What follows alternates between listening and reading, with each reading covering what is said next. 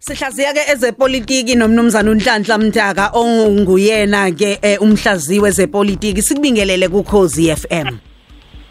Amendlovu namandla enhla nasezantsi siyabingelela dadethu. Eh namhlanje ngiyabona isihloko oqhamuka naso eh sigxile kakhulukazi kukhetho lwase lezasekhaya eh la uzobe uluvula khona mhlawumbe nje singake sikunikeze ithuba uthi kulelivula ulinwebe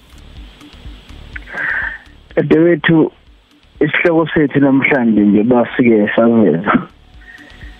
Siveza ukuthi yini wena njengomvoti ongayenza noma ongayiqaphela ukuze ugweme ukuvotela imhlola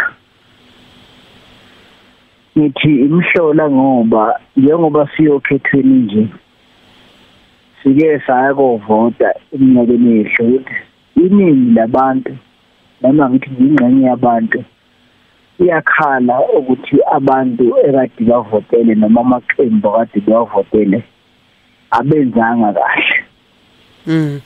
Noma ababalalelanga noma abayigcinanga ithembiso kujwayelekile ke lokho politiki kepha okumqoka ukuthi njalo emva kweminyaka ethize njengoba kuzokwenzeka nje ngolwezi nginike ithuba ngiyakugcizelela lokho. Leli ithuba lokuthi wena njengomvoti ujezise noma ukomelise iqembu lelo noma umuntu. Ubuhleke ngohulumeni bendawo.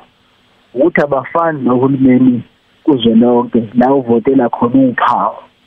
Siyalivotela uphawu bese iqembu lithi hayi ke ngophawu lo uvotela uphawu nje. Okusho ukuthi ke sikunika nalo uhlu lamagama abanye ongabazi. Lapha kohulumeni bendawo sethubeni lokuthi uyamazi ibani bani ube ngumholi lapha endaweni uyamazi ibani bani ube ingane ube umama ube ubaba walapha endaweni. Ithuba ke lakho ukwazi ukuvotela umuntu ocishe umazi lapha endaweni. Kepha amandla akho qaphela ukuthi uwasebenzisa ngokuyikho yini? Ngani na ngokuthi uqonde ukuthi lo muntu omvotelayo ungubani. Ngoba kukhona amakhansela amahle azovotelwa amahle ngezenzo avotelwayo futhi anconywayo bese kuba khona imhlolayo ofukwe nje imhlola ngempela futhi inganekwane. Le inganekwane nemhlolo uyibona kanjani na? Awuthi njengoba uzovota njengoba ethi nje ufuna umvotele umbuze imibuzo emibili emithathu. Umuka wathi kumbuza lembuzo kunesiqiniseko sokuthi uyobonda hayi ufukwekela noma umhlola. Isibonelo lapha dadewethu komasipala kuyiwa kolalo ukuba ikhansela kolukhulu kwedlula umuntu wasephalamende. Ephalamende abantu nje abafika kanye bese bemakomitini eyangena ehotela akuyele kwakhe kanjalo kanjalo basebenze yebo kepha lapha kohulumeni bendawo umsebenzi odinga umuntu okwazi ukusebenza nabantu ababona insuku zaphuma. eParliamente ungahlangana ngolwesithathu nolwesine kubuye kuhlangana ngesonto elizayo. Lapha ohulumeni bendawo uhlangana nabantu insuku zaphuma ngamafuphi oqala ukufuneka ukuqaphele ngalomuntu ofuna ukumvotela ukuthi ikhansela ngempela noma umhlola yini.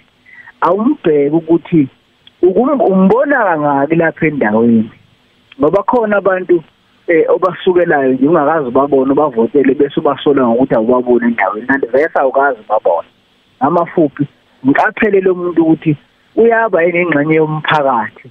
Kungonakele lutho. Engakavotelwa nje ubani yena lo muntu? Niyamazi mina njengomphakathi? Okwesibili lapha kohulumeni bendawo noma komasipala kukhulunywa imali zangempela ukuthi kuzoba nomklamo eh omgaqo umklamo eh weholo umklamo ngamafuphi kukhulunywa ima ake umbuze lo mnumzane noma lo mama noma insizwa noma dadeli empeleni uyakwazi yini kona ukuhlanganisa imali ukukhuluma imali ngoba sike saba nenkinga ngeke ngaba nenhlanhla yokuthi eh ngiqeqeshe wonke amakhansela lapha eNingizimu Afrika. Iningi la ungalezo ikhadi lalingakwazi nokusho lokuthiwa nje isabelo mali. Manje umthatha kanjani umuntu akayokhulumela isabelo mali engakwazi ukukhuluma isabelo mali? Sathi lapho ke abantu ababesolwa yiwo amaqembu lawa esinika emihlola engakwazi nokubuka isabelo mali. Mbuzo ukuthi konje kulomkhandlu wethu ngokwazi kwakhe imalini nje imali esinayo? Ngoba umuntu uzathembisa into engathi imali leyo ayikho. Ngiyengizwa abanye bekhuluma ngegigi. Kanti umasipala wakhe unemali encane. Kumqoka ukuthi kube khona umuntu okwazi eh ukwenza isabelo mali noma ukusilalela noma ukuselusa leso sabelo mali.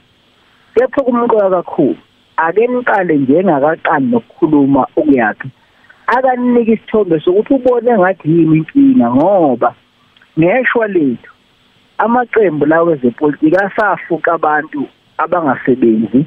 Nabafuna imisebenzi ukuthi abazoba amakhansela ngamafuphi usenade umuntu adilizwe nje batepha bese yangakuba athi hayi ke usengaphatha abantu. Neqembu nalo bese lemfuqa ke kuthini umuthi uyamlalela ubone ngathi inkinga yethu yini? Akayazi. Uthi hayi nje thina sokwenza kangcono. Kumqoka ukuthi umuntu othuzokumela uqala umbuze noma uqala uqonde ukuthi yena uyaqonda yini ukuthi yini inkinga yini ngoba kungenzeka ukuthi inkinga yini akulona iqembu inkinga yini enye into yena uqhamuka nokuthi hayi thina njengeqembu wena ke ngoba uhlala nathi ubone ngathi inkinga yethu yini. Yabona umubize lembuzo emithathu dadethu ngeqiniso lokuthi hayi uyabona nje hayi umhlola ke lo noma yikhansela. Yiko ngithi ke kumqoka ukuthi wasebenzisa amandla akho ngokuyikho ukuthi uqonde ukuthi ufuna ukuvotela ikhansela noma ufuna ukuvotela umhlola ngoba leli ikhansela olivotelayo uma linqoba lizoba nayo iminyaka emihlanu likusebenzele kepha nalomhlola nalomhlola nalesimila mongo nalofukwe uzoba nayo iminyaka emihlanu. Yiyo ngithi sheshe umbheke manje ukuthi hayi ufukwe ke lo. Uma uvuma futhi ukuthi hayi wena uyithandela ufukwe hlana ufuko wakho ungabusakhala kumuntu ngoba abantu bake bakhale kanti umuntu wakhe wasukela nje isimila mongo uqalwa. Basukela umhlola kuqalwa kodwa mase kuphakathi nendlela usethuka wonke umuntu useshisa izikole useshisa imtapo ngenxa nje yomhlola awuvotela yona musane ukuvotela imhlola hey Ngizwa eh nomxolisi la igwazanga ukuthi ke wayibeka ngegama eliqondile ubaba umntaka eh uthi ke siyabavotela ngempela ofukwe ngenxa ke yokungaqondi osekufanele ukuthi ke abantu ke bakithi bakhetha umuntu ozobeke ewusizo nonolwazi nje lwezinto ezenzeka emphakathini ke awuholayo. Mhlawumbe nje ngithathe omunye la eh uthi ke eh uthi ke abantu abayeke ukuvotela umuntu ke ngokumbuka ebusweni engawazi amagalelo akhe emphakathini. Kusho la usizwe wakamntolo emsingi ngicabanga ukuthi nje eh, bayananela kulokho okhuluma ngakho. Iqiniso lekudadewethu ngoba sifelwa ingqalasizinda nje sibhujiselwa yona ishiswa abantu eh besishisela ngenxa yekhansela. Umuntu wabo ufuko wabo manje lo fuko uma sengasakwenzi ukukhuluma okuhle sekukhathazeka nathi sekushisa umgaqo kusivinjwe singayi emsebenzini kushisa imoto nenxa nje yomhlola obuwazi. Qaphela ke lomhlola singatholana ku Facebook eh baye the news noma ku Twitter ke sixoxa ngale mhlola. Nawe usixoxele ngomhlola wangakini ngoba alikho indawo engenamhlola wayo xoxele ngomhlola wakini nekhansela ngakini kodwa kumqoka qala manje ulibuze leli khansela ukuthi ubone ngathi inkinga yethu yini. Umqeqeshi webhola akamthengi umdlali. Angazi ukuthi uzomtshala phi lapha ensimini wena lo muntu omthengayo lo muntu omkhokhela ngevoti lakho uzomtshala phi? Uthi inkinga yini? Ngoba uzogcina usunomuntu eh, ongayazi inkinga yakho kanti beze nje ngoba iqembu lakhe selibona ukuthi usehluphe kakhulu. Banenhlanhla kofuko dadewethu ngabathathi kancane. Bayakhuluma. Ungaba bezwa bememeza lapha ungathi kuyalunga kanti hayi indlela angena ngayo iningi labo abenzi lutho sishisela imigaqo nje sishiselwa eh, imitholampilo nje ngenxa yomuntu esangivotela thina simazi ukuthi lona ke nje uma uma ngase nje wenza ucwaningo wathola ukuthi bonke labantu esesikhala ngabo manje abenzi lutho sasimazi ukuthi awu akakho muntu lapha kodwa manje mase ngicabanga ukuthi uzoshintsha kuba ikhansela kuba ikhansela kushintsha umuntu bakithi yebo kuyamholela ngoba uyashintsha impilo yakhe uyahola futhi ubizwe ikhansela kodwa uma nje eyumhlola uyoba umhlola kakhulu oseyikhansela akukho kushintsha Sibonga kakhulu Hlaziya ezepolitiki nomnumzane uNhlanhla Mtaka. Siyabonga kakhulu.